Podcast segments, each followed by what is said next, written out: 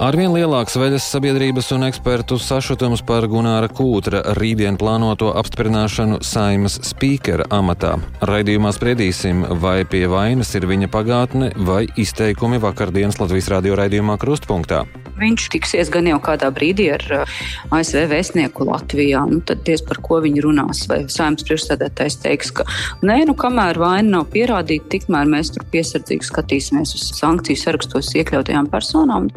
Atkal uzliesmojas konflikts Kalnu Karabahā. Raidījumā skaidrosim, kas pamudinājis Azerbaidžanu atsākt militāru operāciju. Tāpat raidījumā pēcpusdienā dzirdēsim par to, kāds liktenis sagaida Reņģa un Aspazijas bijušo dzīves vietu Kastaņolā, Šveicē.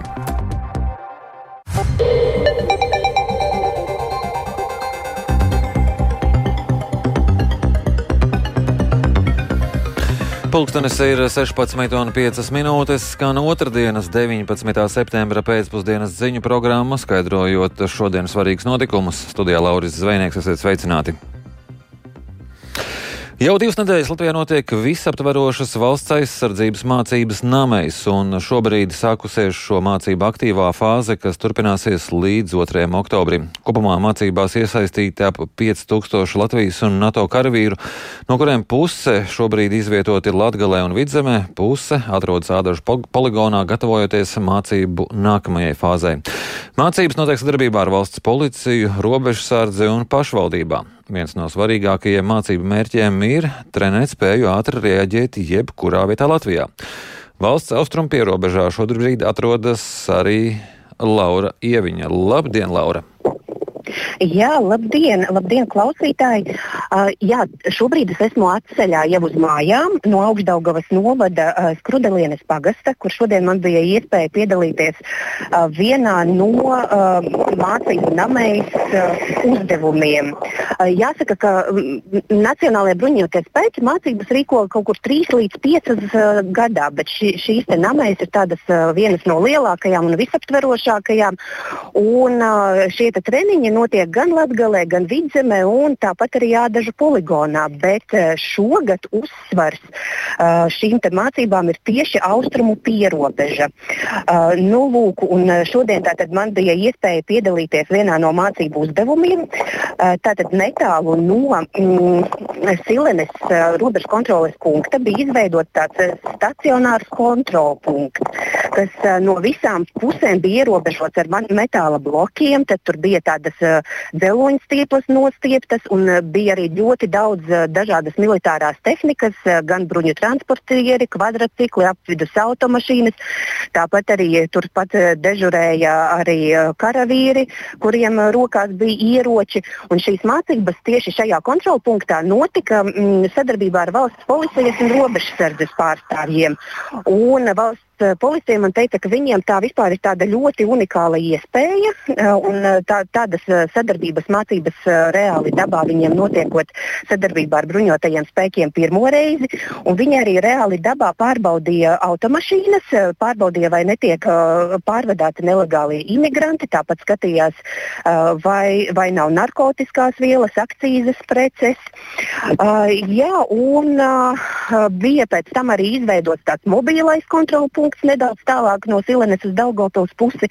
Viņi kā, uh, trenēja šo spēju zibenīgi izveidot šādu kontrolu punktu un uh, veikt autotransporta pārbaudi nu, kā, tur, kur tas ir nepieciešams. Ja kādreiz dzīvē tāda situācija būs uh, vajadzīga.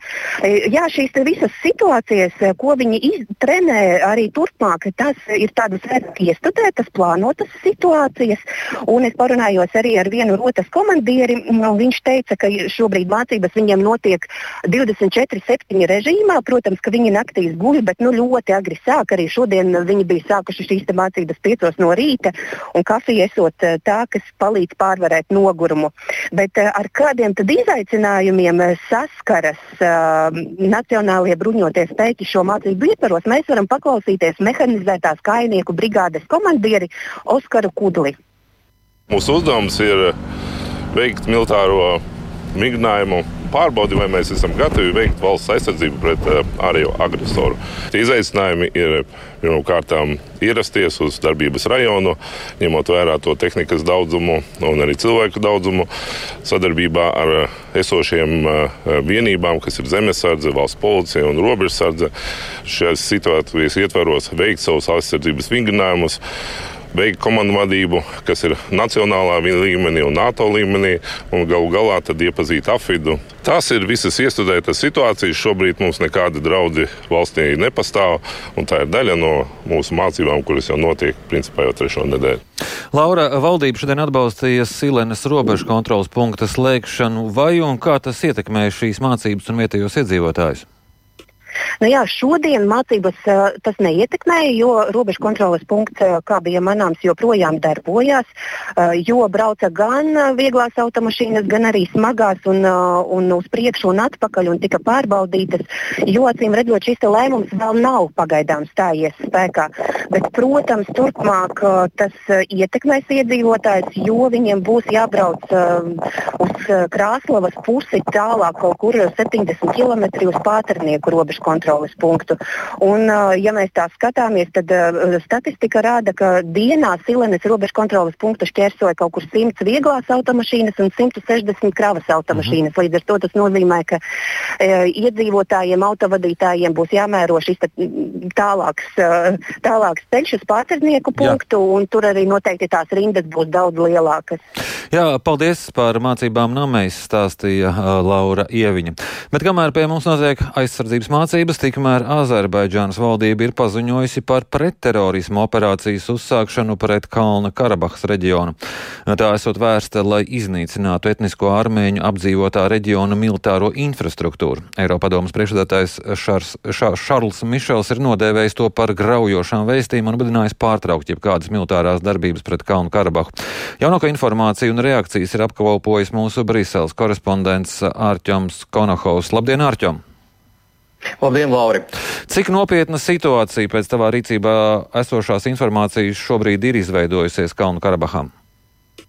Es teiktu, ka situācija patiešām ir nopietna, parādās ļoti dažāda informācija, bet tā visa liecina, ka Azerbaidžāna tiešām ir sagatavojusies iepriekš šim militārajam darbībām, ko viņi sauc par eh, pretterorisma operāciju, un arī par to jau iepriekš bija satraukums vairākas nedēļas.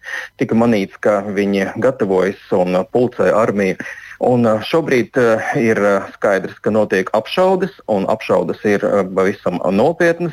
Un arī dzen, tiek ziņots no Kalnu Karabahas uh, varas iestādēm, šī neatkarīgā reģiona, kas ir pašpasludinātais neatkarīgais reģions, uh, tiek ziņots arī par to, ka armija mēģina iekļūt uh, jau teritorijā. Tad pastāv varbūtība, ka tiešām Azerbaidžāna mēģinās ar spēku pārņemt šo reģionu, un tas, protams, raisa ļoti, ļoti nopietnas bāžas par jaunu karu starp Armēniju un Azerbaidžānu. Un Azerbaidžāna saka, ka viņu mērķis ir um, atbrīvot šo teritoriju daļu no Armēnijas karaspēka un arī uh, tikt vaļā, ja tā varētu izteikties, no uh, šī uh, režīma, separātistu režīma, kā viņi to dēvē. Un, uh, tas uh, no savas puses Armēnija, protams, saka, ka uh, viņi, viņiem nekādu, nekādas armijas tur nav. O, kā uz notiekošo ir rēģējusi Armēnija? Jā, papildus tam, ka viņi noliedz, ka viņiem būtu kāda armija šajā reģionā, viņi saka, ka Azerbaidžāna mēģina rīkot etnisko tīrīšanu šajā reģionā, un līdz ar to situācija ir tiešām nopietna. Tomēr uh, viņu robeža Armēnijas pamatteritorijas robeža ar Azerbaidžānu pašlaik ir mierīga, un situācija tur saglabājas diezgan stabila. Tāda vismaz ir oficiālā informācija, kas parādās no Armēnijas. Eiropadomas priekšsēdētājs eh, Šarls Mišels nosodījis notiekošo, vai ir bijusi jau arī kāda cita starptautiskā reakcija? Jā, reakcijas pamazām ienāk. Ir skaidrs, ka šie tiešām ir pavisam jauni notikumi un daudzi tam seko līdzi. Tostarp arī ANO ģenerālajā asamblējā Ņujorkā, kur šobrīd ir sapulcējušies daudz pasaules valstu politiķi. Krievija ir izteikusies par šo, sakot, ka viņa arī mudina abas puses pārtraukt asins izliešanu un atgriezties pie tās vienošanās, ko Krievija bija panākusi ar Armēniju un Azerbaidžānu starp 20. un 22. gadu.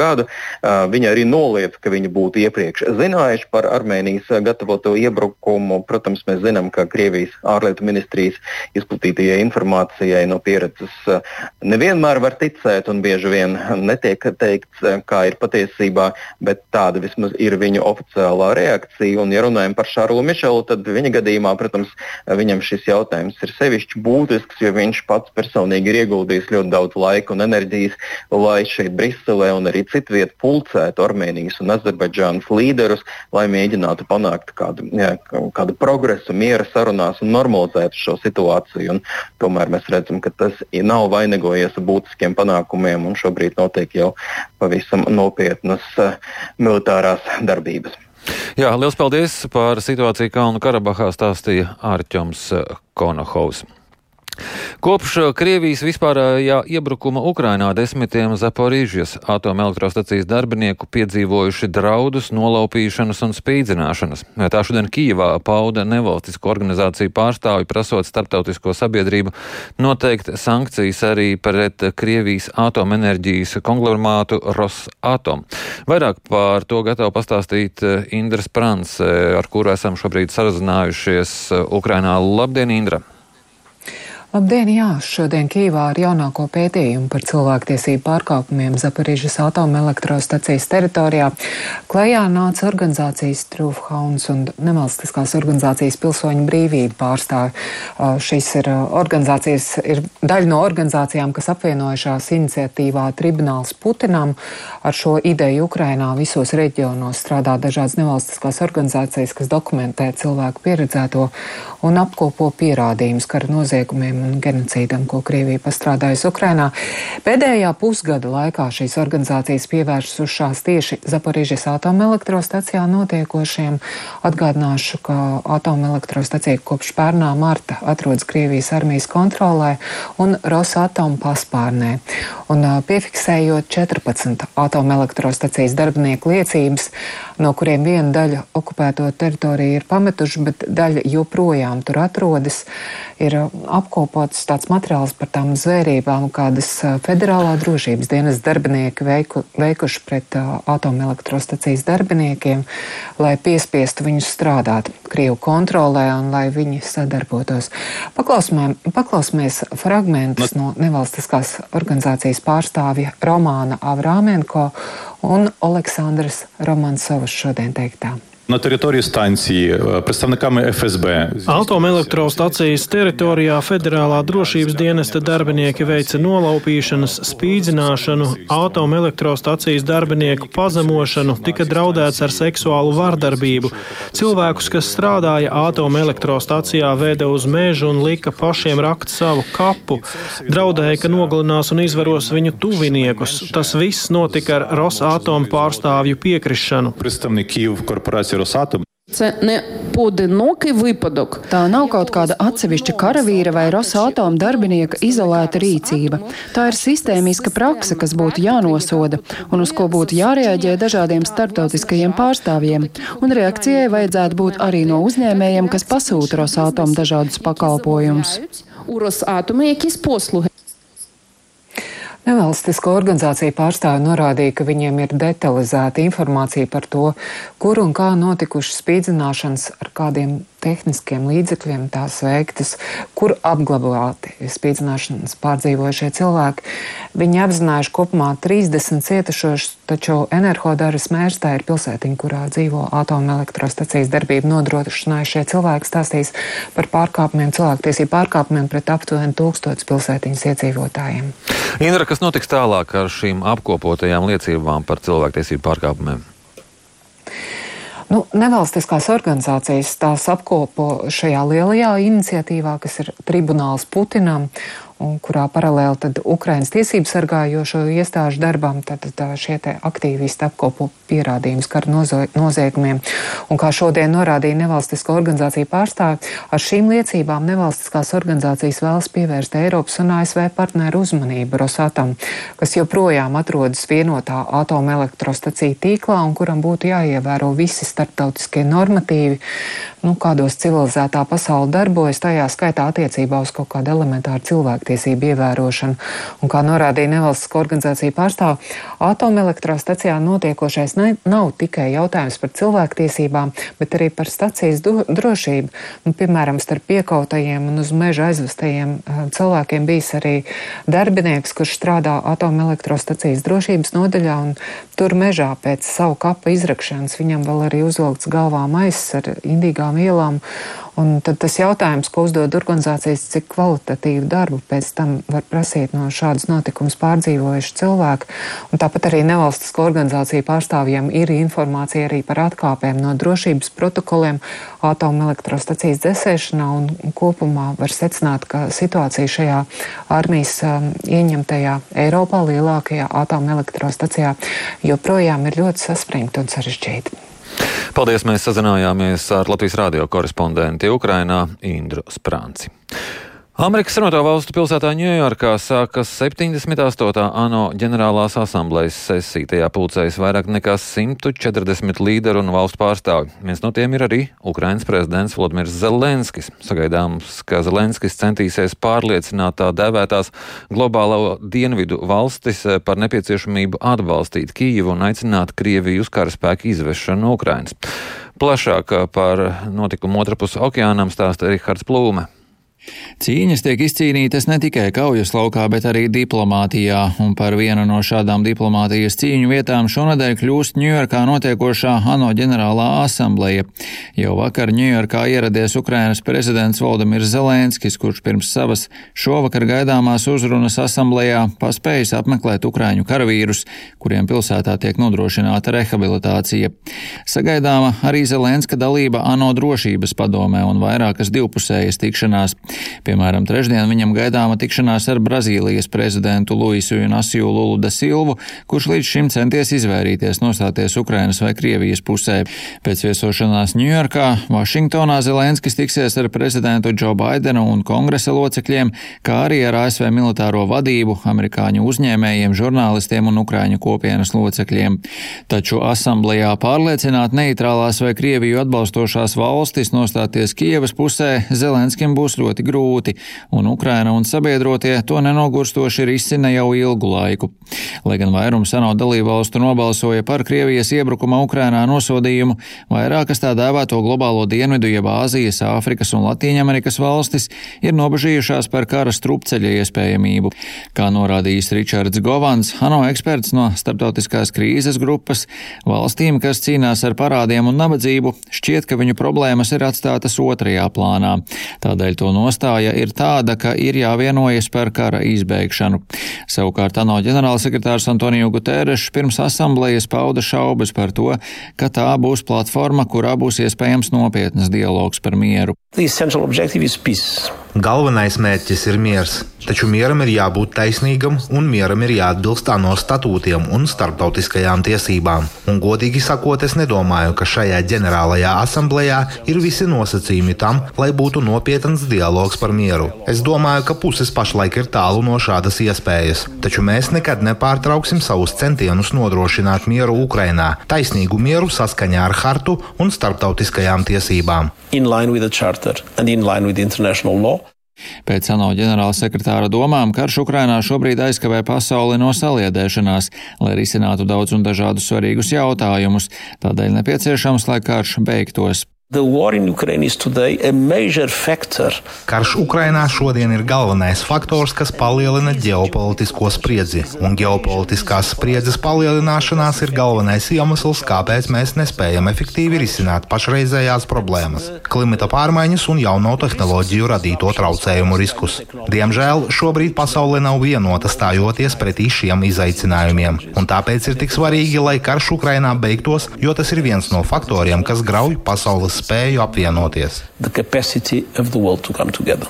Baidens un Zelenskis centīsies izmantot ANO ģenerālo asambleju, lai paplašinātu starptautisko atbalstu Kijevai. Zelenskis un Baidens varētu gūt labumu no tā, ka asamblējā klātesoši nebūs Krievijas un Ķīnas līderi, kas ļaus abiem uzmanību vērst sev vēlamā virzienā. Rihards Plūme, Latvijas radio. Piebildīšu, ka valsts prezidents Edgars Rinkēvičs ANO ģenerālajā asamblējā runu teiks rīta vakar. Tajā Rinkēvičs sevišķu uzmanību pievērsīs Krievijas agresijai pret Ukrainu un tās radītajiem draudiem uz noteikumiem balstītajai starptautiskajai kārtībai, kā arī aicinās atjaunot taisnīgumu, nodrošinot Krievijas un tās pārstāvju atbildību par agresiju un pastrādātajiem kara noziegumiem Ukrainā.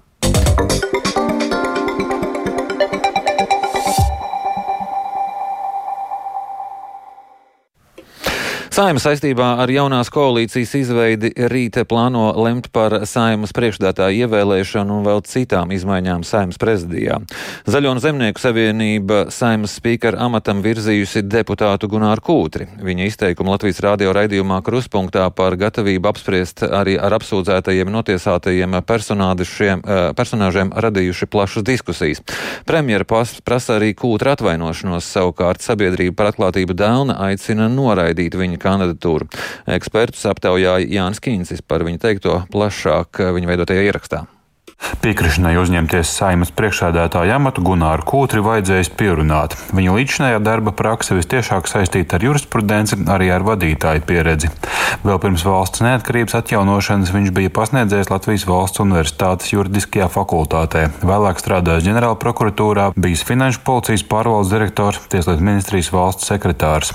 Jau šajā gadsimtā kļuvis par satvērsmes tiesas tiesnesi, desmit gadus bijis tās priekšsēdētājs. Pievēršoties politikai, Ringūna sudrabu kļuva par vienu no partijas no sirds Latvijai veidotājiem.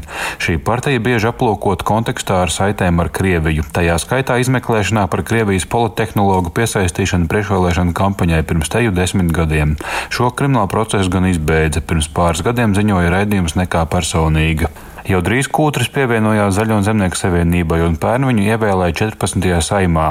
Intervijā raidījumā Kruspunktā saimnes priekšādātāja amata kandidātam Gunāram Kūtrim vaicāja arī par ZZS premjera amata kandidāta ASV sankcijām pakļautā Aivara Lemberga reputāciju un tiesas pirmās instances lemto.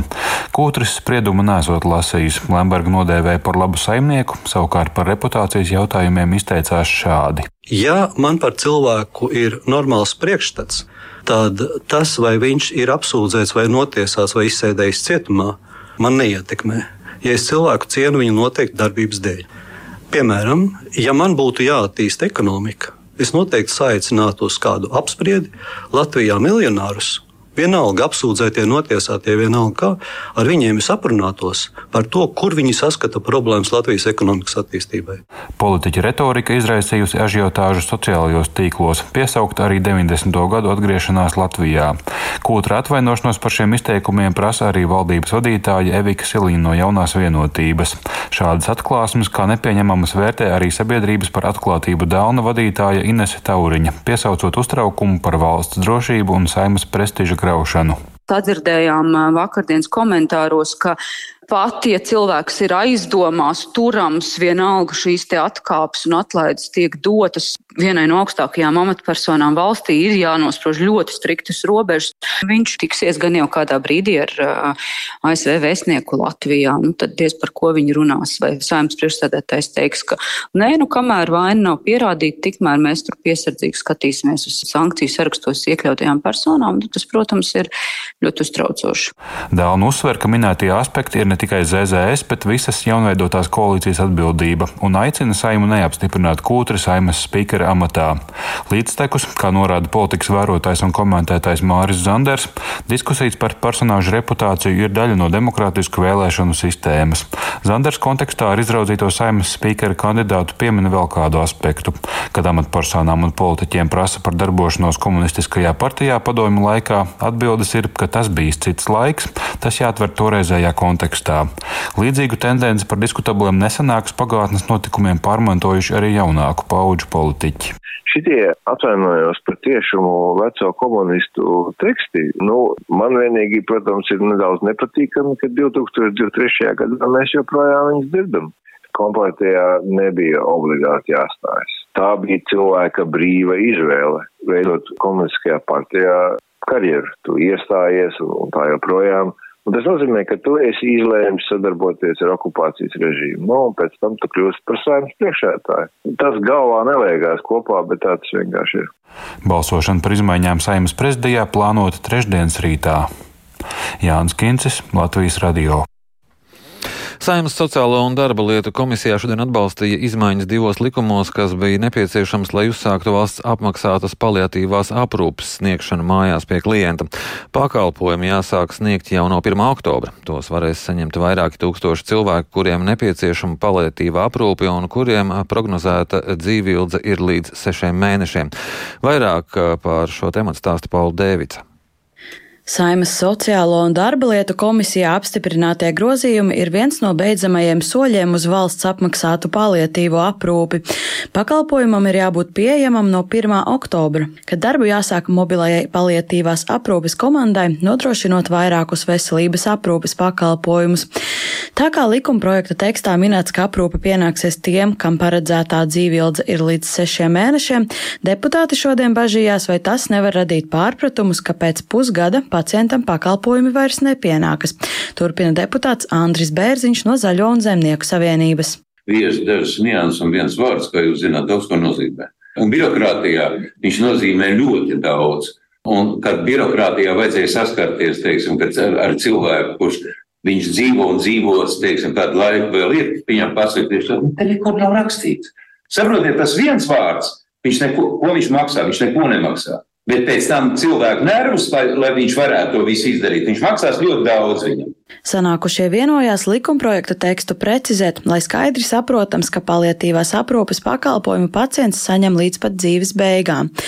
Otrā pakalpojuma fāze sāksies no nākamā gada 1. janvāra, kad pacienti varēs saņemt ne tikai veselības, bet arī sociālo un psiholoģisko aprūpi. Tā kā likumdevējs projektu skata teju vai pēdējā brīdī, nozarē radušās šaubas, vai veselības aprūpes pakalpojums tiešām tiks sniegts jau no 1. oktobra. Turpina organizācijas Hospice LV valdes locekle Ilze Zosula. Jābūt jau gan pakalpojumu sniedzējiem, gan cilvēkiem skaidrs, ko tad nozīmē šī mobilā komanda, kas sniedz pakalpojumus pacientu dzīves vietā. Kas tad tajā komandā ietilpst, kādi pakalpojumi, kuriem cilvēkiem pienākas šis pakalpojums, ja? kādas ir tās finanses. Jautājumu vēl ir ļoti daudz. Nu, ierēģi saka, ka pakalpojumu var sākt sniegt bez Jā. visiem šiem normatīviem aktiem. Nu, tas dīvaini mazliet man liekas personīgi. Zosulas satraukums balstīts uz to, ka pēc līkuma pieņemšanas saimā 28. septembrī vēl jāizstrādā ministru kabineta noteikumi par pakalpojumu organizēšanu. Tomēr atbildīgās ministrijas ziņo, ka noteikumi konceptuāli jau sagatavoti un nodoti sabiedriskai apspriedai. Turpina Labklājības ministrijas sociālo pakalpojumu un invaliditātes politikas departamenta direktors Aldis Dūdiņš. Projekts jau būtībā ir gatavs un, un ir uzsākts šis te tā saucamais uh, saskaņošanas cikla pirmais etaps, tā tad ir uh, izlikts sabiedriskajā apspriešanā. Nu, cerams, ka nekādi daudz iebildumi nebūs, ja arī tā skaitā no citu ministriju puses. Mēs tā ceram, ka viss notiks nepieciešamajos termiņos. Šogad veselības aprūpes pakalpojuma nodrošināšanai plāno novirzīt vairāk nekā 1,7 miljonus eiro, un to varētu saņemt ap 3000 pacientu. Pakalpojumu uzsākšana nekavēsies, tā informē Veselības ministrijā, bet otrajā etapā nākamajam gadam nepieciešami ap 4 miljoniem eiro, kas izvirzīti kā labklājības ministrijas prioritārie izdevumi nākamā gada budžetā. Paula Dēvica, Latvijas radio. Turpinās nedēļas ar Liepājas autobusa parka atceltajiem reisiem. Šodien uzņēmums atcēlis jau deviņus reisus. Kopumā šomēnes jau teju 170. Kā iemeslu pārvadātājs joprojām min šoferu slimošanu. Jaunais satiksmes ministrs situāciju sauc par nepieļaujamu un ir gatavs sabiedriskos pārvadājumus pārskatīt. Vai neizpildīto reisu dēļ valsts ar uzņēmumu līgumu lauzīs vairāk Viktora Demīdeva veidotajā ierakstā. Liepājas autobusu parks, kas ir viens no lielākajiem pasažieru pārvadātājiem Latvijā, kopš gada sākuma kopumā ir atcēlis gandrīz 750 reisus. Tas nozīmē, ka plānus nācies mainīt iespējams pat daudziem tūkstošiem pasažieru. Vislielākās problēmas bija augustā, kad Pierīgā komersants bija atcēlis ap 300 reisu. Toreiz uzņēmums atzina, ka Pierīgā slimoja pat 30% šoferu. Tagad slimo kurzemē, konkrēti ap Liepāju. Uzņēmuma vadītāja Anna Valtere rakstiski atbild, ka šobrīd darba nespēja ir 17% šoferu. Viņas atbildi ierunā kolēģi.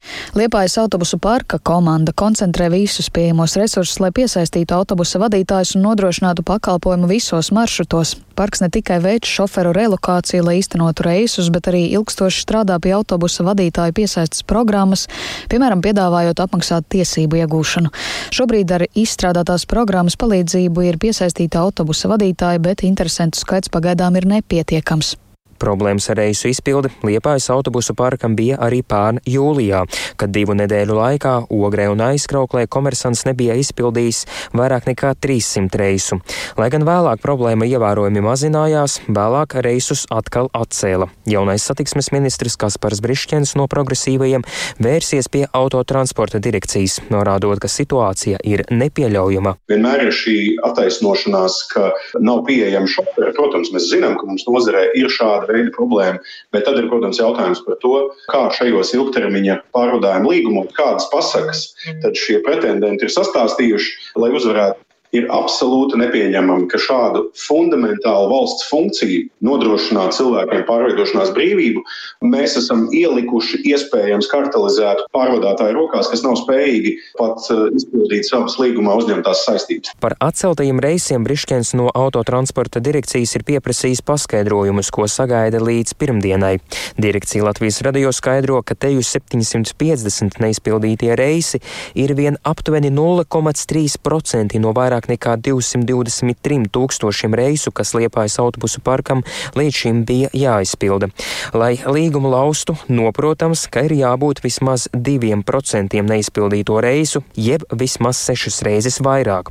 Turpina direkcijas pārstāve Sanita Heinsberga. Mēs šobrīd tiešām gaidām viņu rīcības plānu, kas ir šī brīža situācijā, jo jūtam, ka situācija, kas bija pierīga augustā, dažādos variantos ietekmē arī Liepājas maršrutu tīklu daļu, arī citreiz eh, ogres aizkrauklas maršrutu tīklu daļu.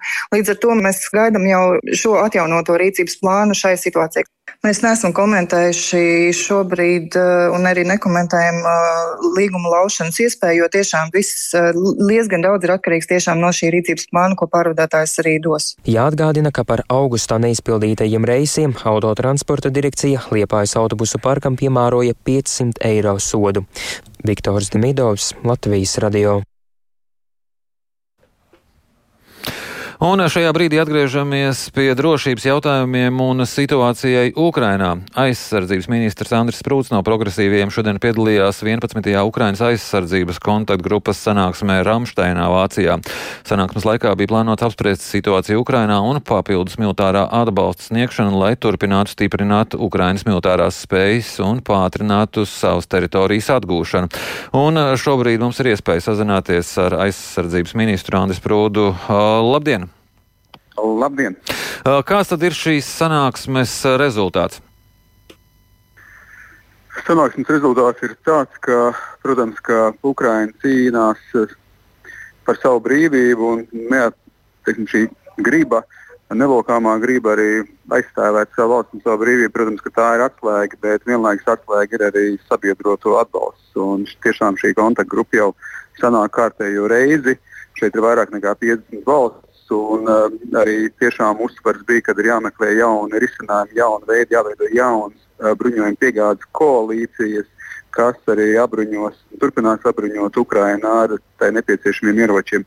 Šajā situācijā akcents tiek likts uz to, ka Ukraiņai ir ļoti vajadzīgas pretgaisa aizsardzības sistēmas un arī nenoliedzami, ka karā, kas ir uh, teiksim, frontāls un, uh, respektīvi, ir iesaistīti arī ļoti pamatīgi visi iespējami ieroču veidi. Ļoti svarīgi ir arī munīcijas piegādā, kā tie ir tie divi lielie aspekti, bet tas neizslēdz, ka vesela virkne ir dažādi citu uh, instrumenti ir nepieciešams iedarbināt vai turpināt iedarbināt, lai atbalsts būtu pilnvērtīgs. Jūs sacījāt, ka jāmeklē jaunas bruņojuma piegādes koalīcijas, tad par konkrētām jaunām piegādēm tagad netika runāts. Nē, tiek runāts par to, ka principā ir arī F-16 šī koalīcija, kas ir izveidota un vispirms apmāca uh, Ukraiņas pilots. Un, noteikti tuvākajā laikā mēs varam apsvērt arī to, ka F-16 tiks arī piegādāta Ukraiņai. Protams, ka ir arī cits bruņojums, tāpat tanka apmācības. Uh, šīs iniciatīvas. Tā kā skaidrs, ka šeit ir ļoti daudz dažādu jaunu elementu, bet nenoliedzam, ka vispirms arī tiek turpināts viss tas, kas jau ir bijis dienas kārtībā līdz šim. Latvija arī ir apsvērusi un izteikusi savu nodomu pievienoties informācijas tehnoloģiju koalīcijai, respektīvi tā kā šeit arī ir šie citi elementi. Tas nav tikai par tiešo kinētisko karadarbību, šeit arī ir kiberdrošības jautājumi. Tā kā skats, kad uh, karš, kas ir totāls, tas visaptvarošs, šeit šie jauni instrumenti noteikti būs arī svarīgi un arī Latvijai ir iespēja uh, dot savu pienesumu. Un, un ko saka Ukrainas pārstāvji, cik viņi apmierināti ar progresu, ar tempu? Protams, ka uh, Ukraiņas pārstāvji vienmēr aicina, lai šis temps būtu vēl lielāks un lai valsts būtu gatavas uh, uh, pienest savu, savu, savu pienesumu arī, un, protams, ka lai arī parlamentos uh, šī uh, procedūra ieroču piešķiršanai būtu ātrāk, bet kopumā Ukraina ir Ukraiņas jaunais uh, um, aizsardzības ministrs, ar ko man bija neformāla saruna. Izteica savu pateicību, un, protams, arī vēlmi par to, ka šis ir jāturpina. Skaidrs, ka arī Ukraina izteiks arī tās savas vajadzības, un arī tieši atkarībā no Ukrainas izteiktajām vajadzībām arī sabiedrotajiem arī jādomā, kā pielāgoties un kā uh, šo atbalstu arī realizēt realitātei dzīvēm. Jā, liels paldies par šo sarunu. Mēs sazinājāmies ar aizsardzības ministru Andris Prūdu no progresīvajiem. Un uh, vēl par sporta aktualitātēm. Latvijas dāmas basketbola izlase šodien uzzināja pretinieces 2025. gada Eiropas čempionāta kvalifikācijā. Pirmās spēles gaidāmas jau novembrī, bet vairāk jau pastāstīs tulīt kolēģis Mārtiņš Kļavinieks. Sveiks, Mārtiņ! Sveiks, Lauri, un sveicināt arī Latvijas radio pirmā kanāla klausītāji. Ar kādām pretiniecēm izlozi šodien saveda kopā mūsu dāmas basketbola izlasi? Jā, nu tātad Latvijas dāmām bija iespējams 12 eh, dažādas pretinieces, eh, tika izvēlētas izlodes ceļā 4 no tām, un eh, beiga beigās, nu, atvainojos, 3, jā, 4 kopā grupā komandas, tātad, un Francija, Izraela un Īrija būs tās komandas, pret kurām tad būs latvietēm jāspēlē, un jāsaka tā, ka laikam jau pietiekami tādas zināmas komandas basketbola vidē, vismaz Latvijai, tā kā tās ir tās pretinieces, kuras arī būs Francija, Izraela, Īrija. Lauri? Kā vērtēt šo izlozi mūsu izlasē? Veiksmīga, neveiksmīga, parocīga, neparocīga? Nu, jāsaka tā, ka tā uzmetot uh, uzreiz uh, aci šai konkrētajai apakšgrupai, uh, noteikti ir izredzes iegūt arī pirmo vietu. Tas vismaz no manas, manas puses tā subjektīvi sakot, bet kopumā, jā, nu šīs komandas ir zināmas. Francija, protams, vistitulētākā, astoņas reizes medaļas dažādu gadu Eiropas čempionātos, arī Tokijas Olimpisko spēļu bronzas. Nākamgad, protams, šī būs mainiešu komanda Olimpiskajās spēlēs. Pret Izraelu ir spēlēts pagājušajā kvalifikācijā, ļoti veiksmīgi spēlēts Latvijas izlases izlases izpildījumā un pret īriju vēl nekad. Tāpēc tā tāda nezināmā komanda, bet vairāk es jautāju sportcentrs.com žurnālistam un vienam no uh, kompetentākajiem Latvijas sieviešu basketbola lietpratējiem Mārim Novikam. Paklausīsimies, kas viņam sakāms geogrāfiski izkliedēta, salīdzinoši dārga grupa, jo visas pretinieces ir salīdzinoši tālu. Francija ir tā komanda, kuru mums ir divas reizes izdevies apspēlēt finālturnīros, un pret īriju vēl nekad nav spēlēts. Katrā no šīm komandām ir spēlētājs, kuras mūsu spēlētājiem vai treneriem ir pazīstams. Ir jācīnās pirmo vietu grupā ar Franciju. Es uzskatu, ka Francija ir uh, potenciāli labāks pretinieks nekā Beļģija. Ļoti spēcīga komanda ar uh, izcilu atlasi, bet uh, diezgan nestabila. Jā, tālāk Mārs Noviks, eh, sports.com eh, basketbola žurnālists par to, kādas tad pretinieces Latvijai apakšgrupā Lauri. Eh, kad sāksies kvalifikācija un kas izlasē jāpaveic, lai iekļūtu Eiropas čempionāta fināla turnīrā? Jā, kā jūs sacījāt, tad kvalifikācija sāksies jau šī gada novembrī, 9. un 12. novembris eh, pirmās spēles, eh, viena mājās, viena izbraukumā, pēc tam eh, vēl divi šādi paši sabraukumi pa divām spēlēm, un tad arī kvalifikācija noslēgsies. Ja ir indojas vai nu pirmajā vietā grupā, kā jau Mārs sacīja, vai arī otrajā, bet tad nebūs garantēta vieta fināla turnīrā, jo kopumā ir astoņas grupas, bet tikai četras labāko otro vietu īpašnieces iegūst ceļazīmu uz fināla turnīru. Jā, siets pietiekami sarežģīts sagaidīts, bet ne nepaveicams un nu, izskatās diezgan labi.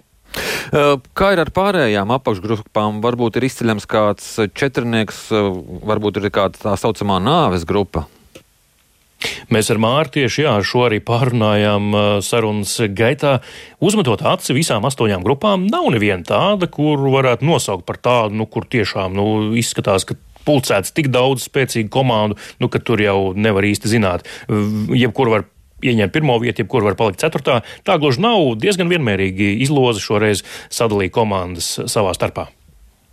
Jā, liels paldies! Mārtiņš Kļavinieks stāstīja par to, ka Latvijas dāmas basketbola izlase šodien uzzināja pretinieces 2025. gada Eiropas čempionāta kvalifikācijā. Ar to arī izskan raidījums pēcpusdiena, ko veidoja Lauris Zvenēks un Kārlis Dagils, kā arī Ulris Grīnbergs un Ernests valsts Fjodorovs. Raidījumu pēcpusdienu var klausīties arī sev vērtā laikā Latvijas radio mobilajā lietotnē, meklējot dienas ziņas.